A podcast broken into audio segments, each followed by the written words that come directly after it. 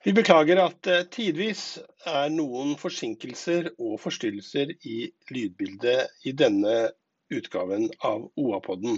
Det skyldes at vi denne gangen har måttet gjøre opptaket via mobiltelefon.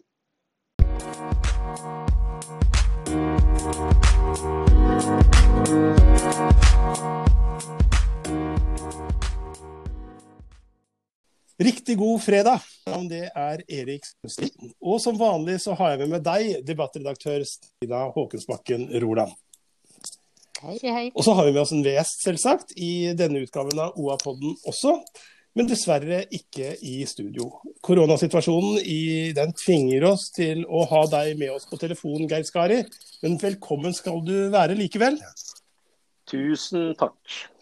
Og du er, en, du er, jo en kjent eiendomsutvikler i vår region. Og så For å introdusere deg litt, så er du habil eh, skiløper for Du har jo verdenscupstarter. Og ja, eh, det er ikke så mye snø ute nå, eh, men det var for noen uker siden. Har du fått prøvd skiene? Eh, ja, jeg kan komme tilbake til det. Bare først eh, informere om at jeg er ingen habil skiløper lenger i det hele tatt. Jeg er både mange kilo for tung og utrent. Så Det er lenge siden jeg har startnummer på brystet. Men det er helt riktig. I mine yngre år så var vi en flott gjeng i Lensbygda eh, med et stort, godt miljø. og Der var det mange gode talenter. og Jeg var en av de som fikk lov å blomstre da noen år som Lensbygda-løper. Og ja, da fikk de en worldcupstart eller to, så det var veldig hyggelig. Eh, og svaret på spørsmålet ja. Jeg har vært på ski, men ikke på natursnø nå som jeg bor i Nittedal så har vi et eh, strålende innendørs anlegg nede på Lørenskog. Der har Selvåg-gruppen investert i mye leiligheter, men også et innendørsanlegg på snø for alpint og langrenn. Så jeg har vært eh, tre ganger i høst og gått eh, igjen ca. 1 km runde innendørs i fire minusgrader. Og flotte skiforhold med tak over huet. Har ikke dere forresten et uh, årlig klubbrenn fortsatt? Uh, Lensbygda Allboys? Ikke et klubbrenn, Stina. Vi har et klubbmesterskap. og det, det, mesterskap. Nettopp, det er ikke bare et renn, det er et mesterskap. og Det har vært en fantastisk uh, hyggelig tradisjon.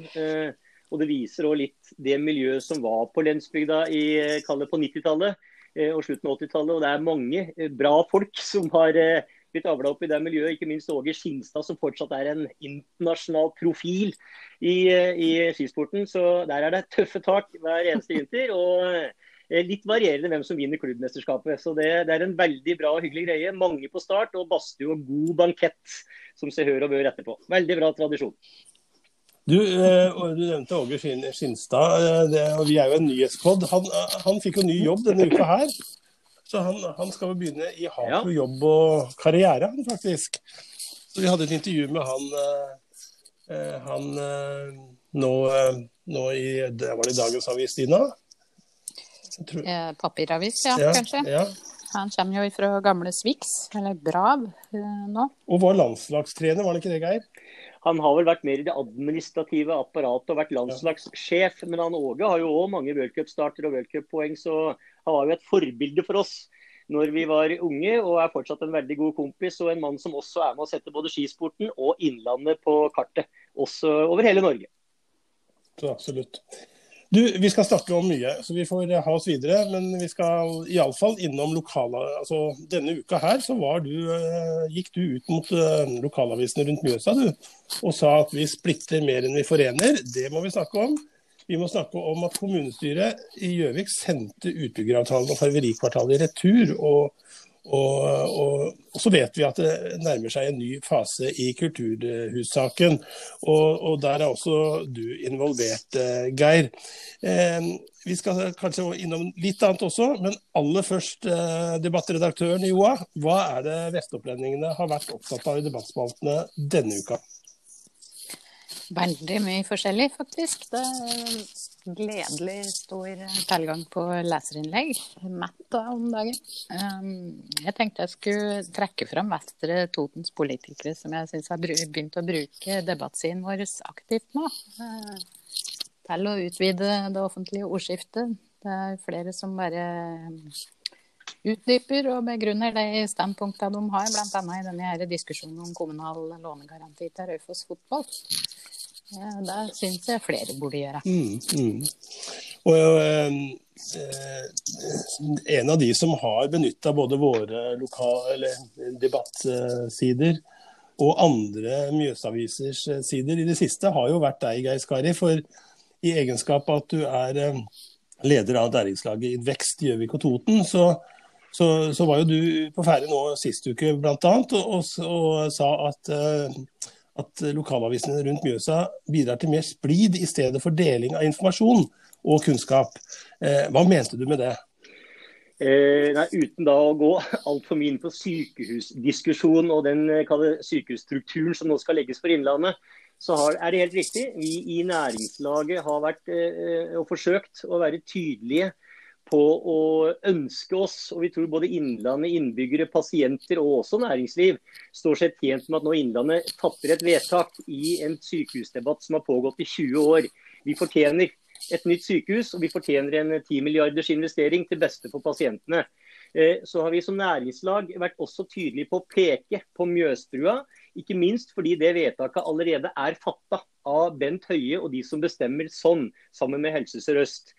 Så har vi da forsøkt eh, gjennom nå tre debattinnlegg å sende disse rundt til de ulike lokalavisene rundt Mjøsa. Det gjelder jo Lillehammer, Ringsaker, Hamar og Gjøvik. Og opplever jo da at eh, noen av innleggene og noen av avisene de velger rett og slett å enten sensurere eller boikotte innleggene og la være å ta de inn. Det kan være ulike årsaker til det, men vi registrerer jo at eh, på Hamar-siden er man åpenbart mindre villig til å lytte til våre argumenter enn f.eks. Oppland eller Ringsaker har vært. Og Da er det som jeg har snakket om før, det at vi ett, er ett innland at vi er én eller to fylker som nå skal forsøke å bli én felles kultur og vinne ting sammen. Det er jo som jeg har sagt, fri fra skispråket, det er jo som vi hver for oss skal bli enten klubbmester eller kretsmester, men vi glemmer lagfølelsen. Og vi glemmer at det å vinne VM sammen betyr at vi må hjelpe hverandre på Innlandet. Og Her opplever vi at lokalavisene bidrar til mer splid en deling av kunnskap, bidrag til informasjonsmengde som både sier plusser og minuser med alternativene, eh, og debatten fremstår unyansert uten å henge ut den ene eller den andre avisen. Det er ikke bra for Innlandet, det er ikke bra for innbyggerne, ikke bra for næringsliv og ikke bra for å bygge felles kultur. Så Der eh, er vi ganske tydelige på at eh, ja, OA og andre aviser må gå i seg sjøl og finne ut hva de egentlig skal bidra med. Fremsnakke kun egen by, eller også bidra til en god debatt for Innlandets del. Men da tenker du på eh, det totale i, eh, i eh, avisen, eller tenker du på, det, på, kronikker og leserinnlegg? I stor grad opplever vi nå at sykehusdebatten den spisser seg jo til med nettopp lokaliseringsdebatt. Vi hadde nøyaktig antageligvis samme diskusjon rundt etablering av universitet. Det er jo ingen grunn til at vi ikke da begynner skulle vært sammen om et innlandsuniversitet. Det endte heldigvis med at Gjøvik gikk til NTNU og ble gode venner. og Jeg er veldig glad for at Gjøvik i dag er en universitetsby. Men det ble jo kretskamp mer enn et felles prosjekt med å få til universitet rundt Innlandet. Dette kommer til å fortsette så lenge vi har lokalaviser. Eh, og, og, kanskje skal det være sånn, vi har ikke noe fasit på det. Jeg registrerer bare at vi blir sensurert, som jeg nesten kaller de enkelte aviser. Og, og, tenker at det er ikke fordi vi er usaklige eller unyanserte, det er fordi vi ikke deler de lokale hensyn. F.eks. på Hamar-siden. Mm. Dette har jo vi eh, undersøkt litt, eh, Erik. Vi har laga en sak om dette, to saker faktisk. Men eh, som, som redaktør da, i OA, hva, hva, tenker du om dette? Jeg, jeg tenker det at uh, Innlandet trenger, trenger, en he, trenger en helhet. Eh, og de harde økonomiske realitetene. Lesernes interesse gjør kanskje at vi dyrker hver, vår, hver våre nedslagsfelt. Og vi er prega av de nedslagsfeltene vi er i. Men for OA sin del så er det ingen tvil. Eh, eh, på lederplass har vi våre meninger om sykehussaken, bl.a. At, at, at hovedsykehuset skal ligge ved, ved brua og på Moelv. Men, men på journalistikken vår og det som vi har i nyhetene, skal ikke være prega av at vi heier. Det skal ikke være kampanjejournalistikk. Det skal det heller ikke være på debattsidene. Tvert imot så har vi et særskilt ansvar, og det er nedfelt i redaktørplakaten eh, og i Vær varsom-plakaten, for at vi skal sørge for at uh, ulike synspunkter og standpunkter kommer til uttrykk. Uh, og jeg prøver å vokte om det i OA, selv om jeg Eh, rett som det er får eh, beskjed om fra leserne om at ikke vi heier nok. Jeg mener vi heier på lederplass, men vi skal ikke altså Journalistikk er et fag, og det er ikke kampanje og det er ikke reklame. Og, uh, så faller vi litt i myra kanskje av og til. Vi gjør noen, noen feilsteg. Men, men, jeg mener at vi forsøker, å, og har gjort det nå i det siste, som du sa Stina, med bl.a. at du trekker fram de ulike stedenes beste argumenter for sine sykehus når det gjelder akuttsykehusene. Eh, og vi gjorde det også med, med Jeg syns at, at, Geir skal ha, ha, honnør egentlig for å reise den debatten og gi oss muligheten også til å se på oss sjøl. For noen ganger så mener jeg at vi kanskje som jeg sa, faller litt uti og blir litt, litt nærsynte. Og Innlandet trenger alt annet enn det. Eh, vi trenger et mer større overblikk. og jeg, og jeg tror at lokalavisredaktørene sånn over tid kanskje at vi, vi, vi har vår, vår, del av skylda for at vi, vi sitter på hver vår tue da, eller driver et kretsmesterskap, som, som, Geir sier. Så litt enig og litt uenig, Geir. Det er bra. Det kan vi leve med. Ja. ja. Men eh, næringslaget Invekst, eh, hvem er dere, og eh, hva gjør dere? Ja, det, er noe spørsmål skal det korte eller det lange svaret. Næringslaget Invekst er jo i korte trekk de 15, 15 store virksomheter med både mange arbeidsplasser og mye omsetning eh, i, fra næringsliv i Gjøvik-regionen. Eh, og Det er et, et forsøk på, og, og, og, kanskje skal også legge til at vi har et godt forhold å ha med oss eh, NCE, Raufoss-klynga som medlem i næringslaget, og også NTNU med Jørn Bronsen, er ivrige og flinke entusiastere i, i, eh, næringslaget. Så vi føler at vi kan i hvert fall forsøke å snakke med én stemme i en del saker som vi mener og har diskutert og er opptatt av. Sykehus er jo en av de som vi har vært innom. Rv. 4 kommer vi kanskje tilbake til. Poenget vårt har vært at vi ønsker eh, Gjøvik og Gjøvik-regionen vel. Og I en del saker så vet vi at du står sterkere når du står sammen. Og så har vi sagt at For vår del så er det viktig å kunne dele kunnskap og informasjon om sykehus, om rv. 4, om eh, forholdet til NTNU, om hvordan vi kanskje skal tenke næringsplan utover vår lille andedam på Gjøvik. Så Vi har vært opptatt av å hente kunnskap, har ofte hatt foredragsholdere som kommer fra Helse Sør-Øst eller fra Nye Veier eller Statens vegvesen, sånn at vi kan forstå hvordan de tenker og hvordan prosessene er. I beste fall så har vi også klart å bli enige om hvordan kan vi bidra til at Gjøvik og omegn kan bli en bedre by å bo i.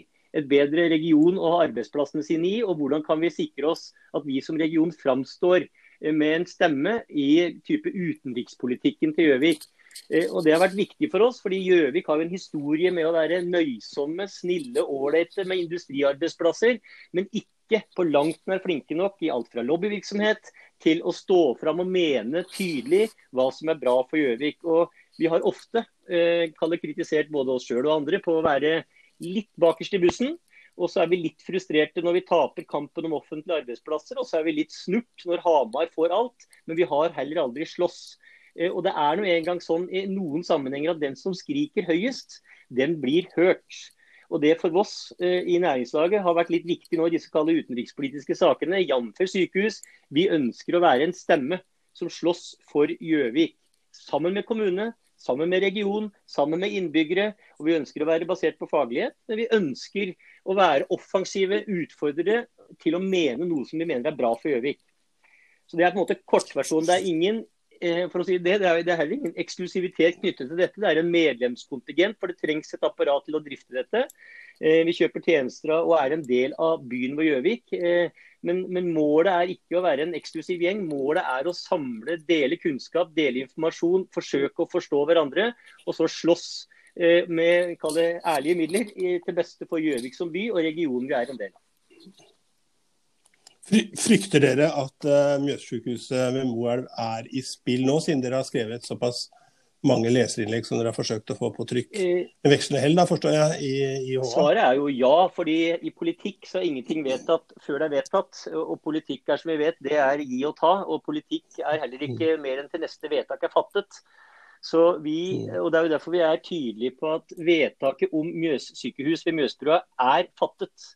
Men det er ikke lenger gyldig dersom Bent Høie av en eller annen grunn finner ut at et nytt vedtak må fattes. Og Vi ser jo på Hamarsiden med Busterud i spissen. Omkamp og omkamp, og det har de all rett til. De slåss for seg, og de har alltid gjort det. Det vi ber Hamar-regionen eh, om nå, er å vurdere for en gangs skyld å peke på noen andre og holde fast ved et vedtak som vi mener er bra for Innlandet. Altså at vedtaket om Mjøsbrua står fast, og ikke det blir omkamper og 20 nye år eh, bak det med, med krangling om kretsmesterskap. Og at eh, det skjøre politiske vedtaket som ligger til grunn for Mjøsbrua, at det får stå i fred. Og at vi nå kan eh, få den 10 milliarders investeringa fra Helse Sør-Øst som Innlandet sårt både fortjener og trenger som et godt eh, pasienttilbud. Og et sykehus som samler masse funksjoner eh, på ett sted. Men hvor viktig er det for dere som er representanter for næringslivet, da, eh, at det også havner på, på ved brua, hadde jeg nær sagt, og ikke lenger eh, sør på Hamarsida? Ja, vi skulle gjerne hatt det på Gjøvik. Vi hadde det vært reelt. Vi eh, vurderte jo lenge også om vi skulle slåss for Biri som alternativ, men vi aksepterer da at jernbanesituasjonen mest av alt tilsier at Moelven er et bedre alternativ.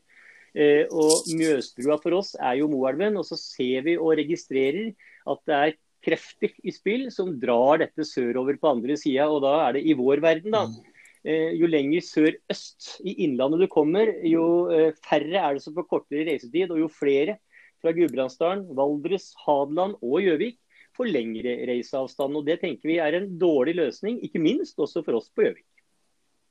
Mm. Men, men føler at det er at dere burde også Eh, kjempe for akuttsykehuset? Vi har tenkt at det bærer litt mer preg av kretskamp. Eh, og, og, Vi tenker at det kan mm. vi, eh, vi kan sikkert mene noe om det, men vi har valgt å, å være opptatt av det vi har kalt kalle VM. Det viktigste for Innlandet er å få etablert og vedtatt et Mjøs-sykehusinvestering. Og så vil det basert på hvor plasseringa der være, en diskusjon om akuttsykehuset kommer til Gjøvik eller til Elverum eller til Lillehammer. Det vil være politikk. Det vil være kalle eiendommens beskaffenhet og bygningsmassen i dag. Det vil være befolkningsframskrivninger og nedslagsfelt. Det vil være eh, andre eh, f.eks. For forholdet til NTNU, som kanskje Gjøvik burde trekke fram. Det er mange momenter å vurdere. Eh, og Det blir nok mer et kretsmesterskap der man må se kalle flere faktorer. Og til slutt også eh, et snev av politikk i det, helt sikkert. Mm. Så Vi mener i og for seg litt, litt, mindre om akuttsykehusmodellen. Vi er opptatt av å få Mjøssykehuset og vedtatt det. Og det nærmer seg jo ja, veldig, faktisk. Det er helt på opplagssida nå. Og derfor er, derfor er engasjementet stort. Og vi, dessverre, da, med starten på brystet fra gamle dager, så er vi jo Det er morsomt å delta, men det er mer moro å vinne enn å tape. Og det skal vel være ærlig å si. Ja. ja. Skal vi ta Gjøvik, kanskje? Ja, la oss gjøre det. Eh, eller rv. 4 kan vi for så vidt. Ja. For det er òg en viktig sak som dere har engasjert dere i. Eh, og der eh, eh vi kan vel si det nå, at vi, er, vi har en god følelse. Eller åssen er følelsen i næringslaget i Invekst? Ja, det som er fint, eh, og igjen da, dette er vi definert som en utenrikspolitisk sak. Eh, sammen med sykehus eh, så er jo dette noe av det viktigste rammevilkårene for en utvikling i Gjøvik-regionen de neste 100 årene. Plassering av sykehus og også mulighet for å nå endelig få i større grad utvikla rv. 4. Så vi er optimister, ja. Eh, fordi det siste året har både Nye Veier, som i mange år har gjort det, men også Statens vegvesen fremsnakka og satt rv. 4 på dagsorden mer enn noensinne før. Eh, alle er enige om at rv. 4 er et samfunnsøkonomisk lønnsomt prosjekt å sette i gang med. Eh, alle er enige om at Innlandet fortjener ytterligere forsterkning av infrastruktur rundt Oslo. Eh, og det fine er igjen at langs aksen rv. 4 fra Nittedal i sør til Gjøvik i nord og alle kommuner imellom, så er man enige om også her, næringsliv og også det offentlige apparat, å, slåss og kjempe for en helhetlig utvikling av rv. 4. Firefelt og 110 km i timen. På lik linje med E6 på andre sida. Det vi er litt bekymra for, er at dette også er politikk. Innlandet har fått mye. E6 er bygd, brukt masse penger. Eh, det finnes en jernbane utfordring i Norge der jernbanen koster mye mer enn Hareide hadde håpa på og trodd. Bare Follobanen er istedenfor 10 milliarder nå estimert til mer 50 milliarder. Ett sted så stopper mm. også den norske oljetanken å gå tom for penger. Så vi sliter kanskje mer med rammene for hele tildeling i Nasjonal transportplan. Hvordan får vi mer ut av hver krone? Enn vi gjør av at eh, rv. 4 er en, en god trasé. Så, så, her er det også en del ting vi ikke er herre over helt sjøl. Men, men, sammen med som jeg sier, Stor-Oslo Nord, Jarle Snekkestad, ordfører Torvild, som har vært en eh, leder av det nærings... eller Stor-Oslo Nord en stund, så føler jeg vi har i hvert fall gjort en god jobb med å fremsnakke rv. 4 i alle mulige sammenhenger. Og det håper jeg holder til at vi havner høyt opp i Nasjonal transportplan. Og Så kan man jo da diskutere videre om det er Nye Veier eller Statens vegvesen som burde få oppdraget. Næringslivet mener nok noe om det, men det er i hvert fall viktig at vi er i skuddposisjon og at vi har målsjanse mer enn noensinne før. Mm. Nå har jo Hareide sagt at det, det, blir ikke landsdel mot landsdel, på en måte. Det blir prosjekter i Innlandet vega opp mot andre prosjekter i Innlandet. Tenker du at uh, kampen står der, på det nivået? At uh, denne gangen så går ikke alle pengene til Vestlandet, liksom? Vi, det er der vi må sette inn innsatsen? Nei, jeg, eh, det, det, er vanskelig å spå. Jeg kan for lite om mekanismene rundt eh, kalde bordet når Erna og, og eh, Hareide og næringsminister Iselin Nybø og de setter seg ned og bestemmer hvem får hva. Det er nok små og store puslebrikker som skal sås, ikke minst distriktspolitiske hensyn. Hvor er vi sterke, hvor er vi svake? Eh, hvem har fått, hvem har ikke fått? Hvem sitter i samferdselskomiteen og representerer de ulike interessene og de ulike landsdelene? Dette tror jeg er et eh, langt lerret å bleke. Jeg ser nå at vi som region gjør en bedre jobb med å kartlegge. Vi gjør en bedre jobb med å påvirke. Vi hjelper hverandre med å snakke med både folk i Oslo og folk i regionene. Så jeg, jeg tror vi er nærmere enn noensinne. Men uh, å få det helt i mål, det blir en spennende også innspurt uh, her. Og, og mm. eh, Vi er ikke i mål, det tror jeg vi kan slå fast. Og så kommer Hareide til å være venner med alle helt til han en dag har bestemt seg. og Det tror jeg vi òg må leve med. Mm, mm. Ja.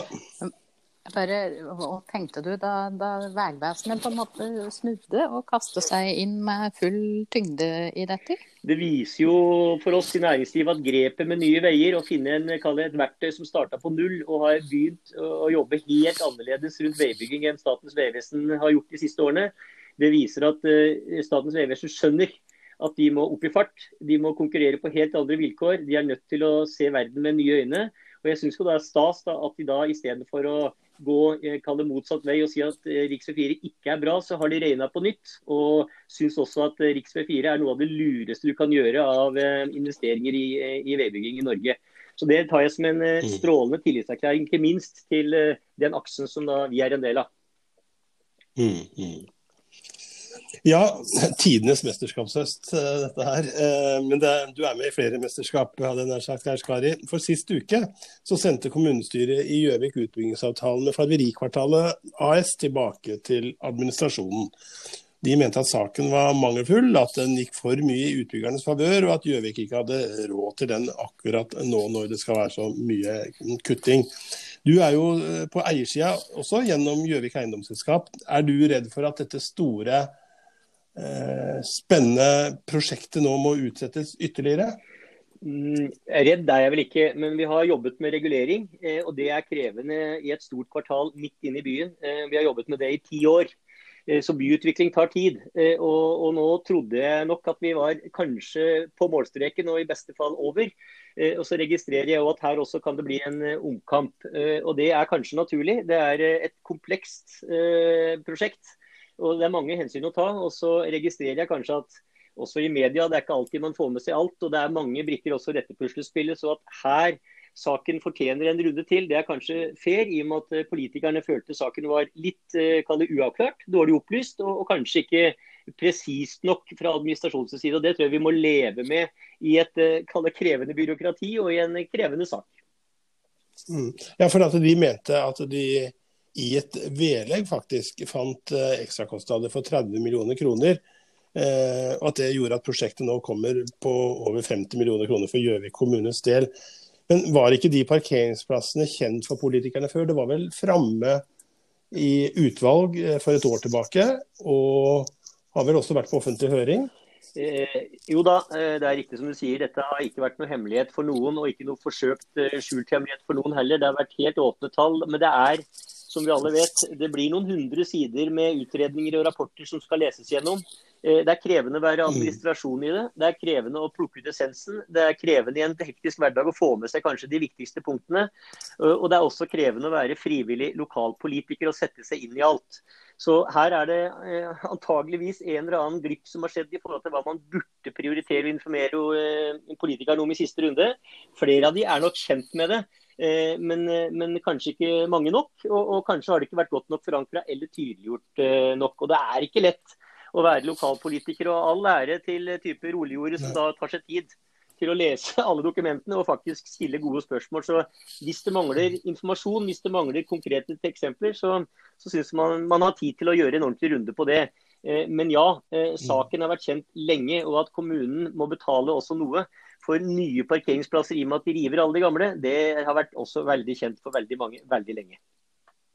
Mm. Men det blei en ekstraregning som følge av at Riksantikvaren, um, Riksantikvaren um, jeg hadde nær sagt kutta, kutta, etasjene på Farverikvartalet. Altså, det var jo planlagt ti, ti etasjer der, blei seks etasjer. og dette blir eh, jeg, jeg vet ikke om det stemmer, jeg har latt meg fortelle at det gjorde at dette måtte utfordeles på nytt og, og skaper en ekstraregning på, på 4-5 millioner kroner, men ikke 30. Er det riktig? Nei, nei, og Jeg kan ikke kalkylene. og Det er jo utstillingsplassen fra Hamar, en strålende eiendomsaktør som, som kjører prosjektet. Så vi, vi er minoritetseiere. Mm. Men, men, det er klart, Riksantikvaren har jo vært en, en utfordring nå i, helt i siste runde. og Riksantikvaren har jo mm. lagd klare begrensninger på prosjektet. Det må vi leve med. Det har vi forsøkt å løse. Men det viser også hvor komplekst det er, og i og for seg også hvor krevende økonomien i det er i forhold til å få regna det hjem. Så det er klart Riksantikvarens mm. grep var ikke godt for prosjektets egnethet i forhold til økonomi. Det må man være ærlig å si, men det må man også leve med. Og vi har fortsatt et sterkt ønske om å få gjennomført prosjektet. Mm, mm. Men eh, Dere er jo òg inne i denne kulturhusdebatten eh, med, med, forslag der. Jeg tenkte jeg skulle høre med deg. Da du først begynte å investere på Gjøvik, så du for deg at du skulle at du på et tidspunkt skulle ha så eh, mye makt da, over sentrumsutvikling og byutvikling her? Uh, for å svare på det siste først, Jeg føler på ingen måte at vi har noe som helst makt uh, på Gjøvik over noe byutvikling. Det er uh, markedskrefter og rammer vi overhodet ikke er kanskje herre over sjøl heller. Men vi forsøker jo, og har gjort i mange år, å bidra til å ja, bygge en bedre by. Og åpenbart, vi er jo kommersielle. Så vi, vi regner jo på både bygårder vi kjøper og leietager og alt. Så vi, vi er ikke vi, vi er sikkert definert som kommersielle og gjerne spekulative, og for den saks skyld, men det ligger et veldig sterkt ønske, og det håper jeg vi har vist gjennom mange år, med å bidra i mye typer av fellesskap. Vi, vi syns det er morsomt å bidra i fellesskapet. Vi håper å kunne være med til å bidra til en bedre by. Og så håper vi også selvsagt å ha lys i vinduene og leietagere som lever godt og kan betjene leia si. Det lever også vi godt med.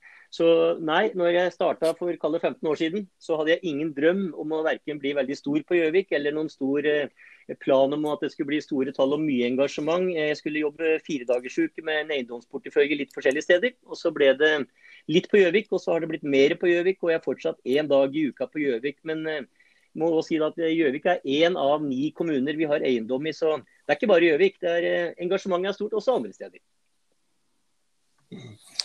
Det skjer jo mye i Gjøvik nå, da. Og dere driver jo også i Øvre Torvgate, hvor eh, kulturskolen skal flytte inn. Og, det skal også sies at eh, vi skal flytte inn om et års tid. Eh, men hvordan opplever du det som skjer i byen nå, i byen Gjøvik? Hva, hva er trendene i byutviklinga? Eh, det er godt spurt. Vi har jo i mange år jobba med å kalle redde handel på gateplan. Fra både i gamle dager var jo det kjøpesentra som vi var det, nesten uvenner med. Og så er det heldigvis blitt et flott samarbeid med CC, og de er tross alt i sentrum og er en fantastisk viktig bidragsyter til at Gjøvik sentrum har puls. Eh, og så har handelen endra seg ekstremt, eh, både nå med korona, med netthandel. Eh, så det er ingen tvil om at hele sentrum, også på Gjøvik og helt globalt, er gjennom en transformasjon. Eh, hvor den ender, eh, det vet man ikke helt. Jeg vet jo at Tom Søgaard har besøkt dere i boligbyggelaget. Han er jo opptatt av boligbygging. og Hvordan kan man da få enda flere mennesker til å bo i byen? Hvordan kan man tilrettelegge kanskje for bygårder som er bygd for kontor eller handel, til også å bli flotte boarealer? Den type diskusjon er vi nødt til å ta.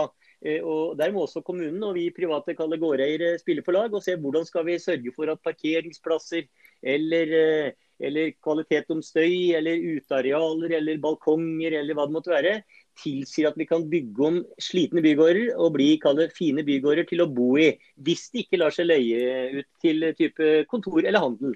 Og Dette er en transformasjon. Den går sakte, men den kommer til å komme. Og, Kulturhusdebatten er jo et eh, eksempel på det, med, CC som da kommer med et tilbud der de åpenbart har tenkt å rive deler av sin, eh, sitt kjøpesenter for å tilpasse seg framtiden med et kulturhus som en del av kjøpesenteropplevelsen. Så her er det store aktører og store krefter i sving. og, og De er vi ikke alltid herre over sjøl, men vi må jo forsøke som by å være i forkant og prøve å hjelpe til at det skal bli bra. da. Men, hvis, du, hvis, du, ser for deg nå at du står i Storgata mm. og, i Gjøvik om 15 mm. år, hva er det du ser rundt deg da, helt kort? Da ser vi eh, en uh, flott storgate, mer i kafeer og restauranter enn tidligere. Vi vil kanskje allerede vurdere tak på deler av arealene, sånn at det oppleves mer som en, et senter. Det vil være mye grønt, det vil være mye man kan gjøre med belysning. Og jeg tror eh, i beste fall det vil være dører som står åpne og lett å gå inn og ut av. Og det vil være mm, ja, mye folk i gatene fordi det bor mer folk i sentrum. Mm, mm. Hvis du dreier blikket litt grann da, oppover mot Hovdetoppen, hvordan ser det ut der da? Om ti år. Jo, 15. Nei, vi, det er jo en, en, spennende prosess, det. og Nå er jo egentlig Hovdetoppen som område klart til utvikling. og Så er det fortsatt litt jobb med å løse infrastruktur nedenpå Mathias Toppsvei, utgang på Raufossveien eller nede ved Mustad. Hvordan skal man sørge for at det er god trafikkflyt der, også med flere både hus og trafikk i området. Eh, så Det blir et kjempespennende prosjekt. Det kommer til å bli et fantastisk boligområde. og Vi kommer også til å bli et fantastisk rekreasjonsareal med Hovdebakken, med tennishall, med fastland. Det kommer til å være noe av det flotteste Innlandet har å by på hva angår eh, bokvalitet. Og, det er bare å glede seg til. Eh, de som får muligheten til å bo der oppe med fantastisk utsikt også over Mjøsa. Så det tror jeg blir mm. strålende. Jeg må, vi må, jeg må ta deg med en liten tur til. Nå går vi ned til Huntonstranda. Ja. Der har du en eiendom. Bølgene har, Det er 15 år fram i tid, så bølgene etter at drømmen om boligbygging og ny bydel forsvant i metangass. Det er mange år siden, det er glemt.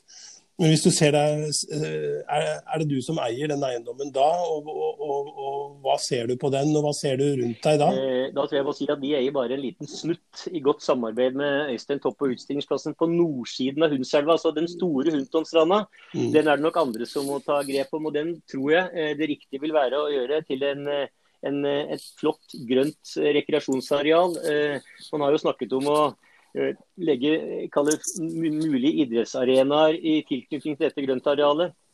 Eh, og det vil kanskje kunne finnes institusjoner som passer eh, på den type arealer. Så jeg skal ikke foregripe en, god prosess som kommunen må ta, men det, er ingen grunn for kommunen til å vente med å tenke høyt på det området. Og det bør kunne bli i hvert fall en mulighet for Gjøvik by til å ta tilbake strandsona som man i mange år har sagt at man har mista. Her har man i hvert fall en fantastisk mulighet til å gjøre noen grep som gjør at Gjøviks befolkning får tilgang til, eh, Gjøvik, nei, til Mjøsa og det området. Eh, for vår del på nordsiden så sitter vi og klør oss litt i huet og har lyst til å komme i gang med et prosjekt før vi blir altfor eh, gamle. Vi har ikke antageligvis de samme innholdet av metangass. så vi, vi klør oss i huet om både muligheten for bolig eller hotell eller en kombinasjon av begge inn i framtida, som også Gjøvik trenger fornyelse på. Mm, mm. Ja, skal vi dele ut blomster, Stina? Er ja, det er jo helg. Ja. Mm. For det er jo en fast eh, post vi har, der vi deler ut noe helt uh, digitale blomster. Enten til noen vi syns uh, fortjener det, eller noen vi vil gratulere med noe. Jeg vet ikke, Geir, om du har røkket og tenkt på noen uh, som du kunne ha tenkt deg å? Nei, det, Dere ga meg jo en liten mulighet til å tenke noen minutter i stad, så ja, det har jeg. Og, og det han har jeg tulla med før. Han fortjener um, han fortjener um, blomst, og jeg har også sagt at han fortjener om ikke en statue på Gjøvik, så i hvert fall en byste.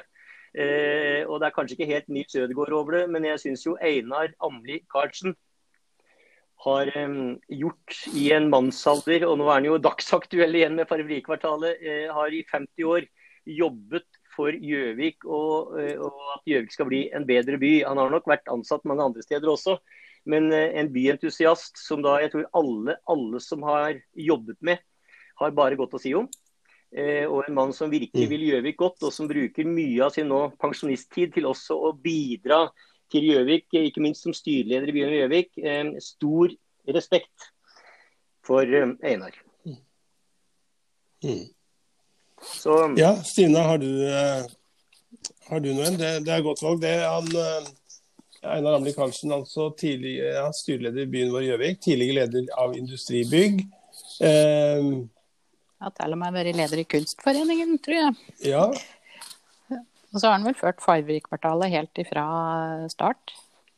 Det, ja, det tror jeg. Jeg snakka med han i går. Så, så, det Han har drevet på lenge med det. Mm. Ja. Jo, men jeg tenkte på eh, Det er jo budsjetthøst, og det er eh, harde tak. Og veldig mye møter som skjer i disse dager. Jeg tenkte på eh, Gjøvik. Der eh, hadde de et eh, åpent møte der Hanne Briskelund Christiansen møtte opp som representant for tilrettelagte tjenester. Og hun var bekymret for oppfølginga bl.a. av de som får hjelp gjennom det psykiske helsearbeidet. Og alt dette som ikke er lovpålagt, det blir jo løftet på Vøgi nå i budsjettprosessen. Så det er viktig at de som skal ta disse avgjørelsene her, vet hva det betyr for eh, innbyggerne sine. Mm. Så, en... Så, jeg tenkte en liten blomst til henne, da. Nettopp.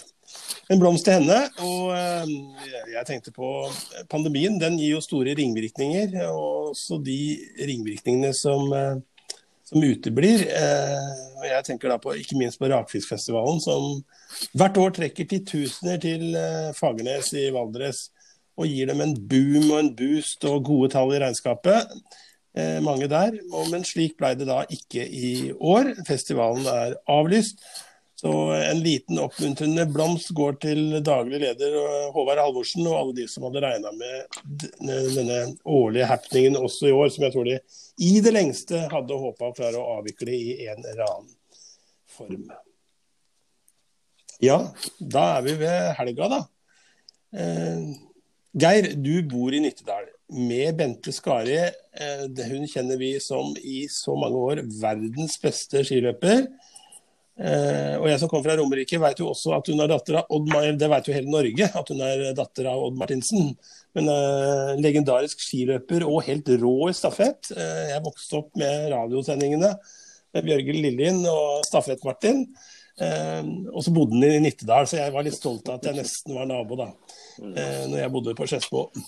Eh, men det er vel ratt skiturer da, og aktivitet i skog og mark som står i hodet på på uh, sviger, uh, svigerfar og, og, Geir og Bente og co. Ja, jo da, vi er en aktiv familie. Og Bente og jeg har jo tre barn. Eh, de er vel hva var de blitt 12, 13 og, 15, så der er det stor fart med fotball og ski og friidrett og aktiviteter døgn rundt. og Sånn sett så er jeg og Bente veldig aktive sjøl også i skimiljø og idrettsmiljø i Nittedal. Det er jo det som er grasrota og kanskje noe av det morsomste man driver med. Det å få være med ungene før det plutselig er slutt og de har flytta. Så helgene hos oss går jo, gjerne med til aktivitet. Mm. Eh, men eh, det er vel verken Bente eller Odd er spesielt kallet sportsidioter. Det er vel kanskje jeg som eh, er mest utprega det. Og, en av høydepunktene i helga for meg er faktisk en litt spennende bortekamp mot City. Altså Da snakker vi Manchester City mot Liverpool på søndag ettermiddag. så som Liverpool-supporter så har jo livet vært helt strålende nå et par års tid, og så har det vært litt tungt i noen år før det.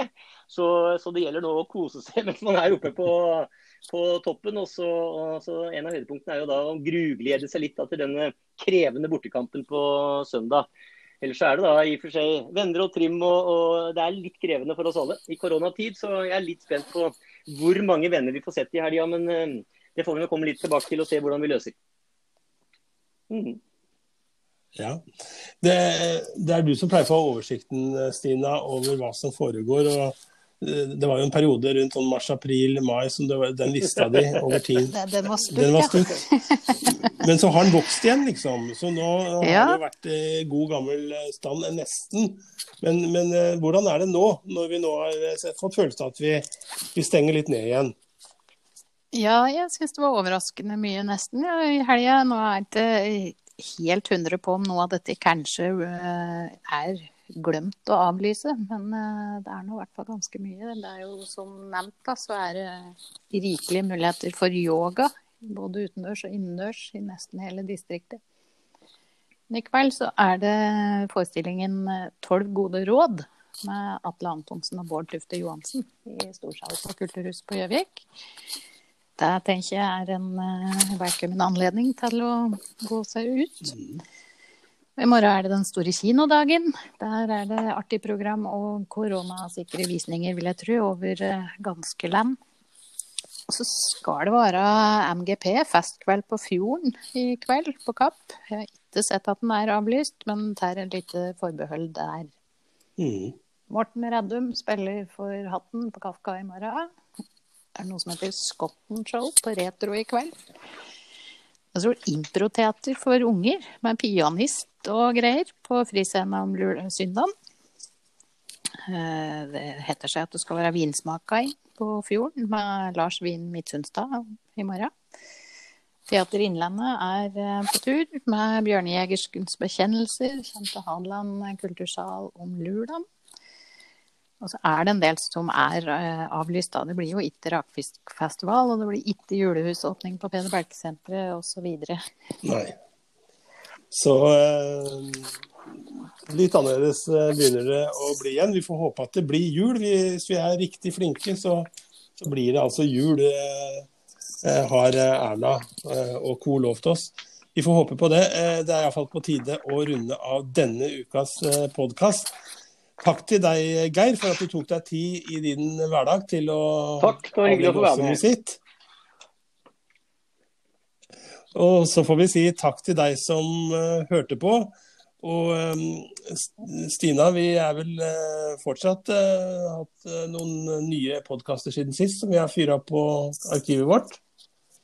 Ja da, og jeg vet jeg har spilt inn uh, spennende podkaster denne uka òg. annet Backstage med Farida, tror jeg. Mm. Som uh, blir tilgjengelig rett over helga. Det er bare å søke opp OA-podden uh, der du laster ned lyden din. Ja.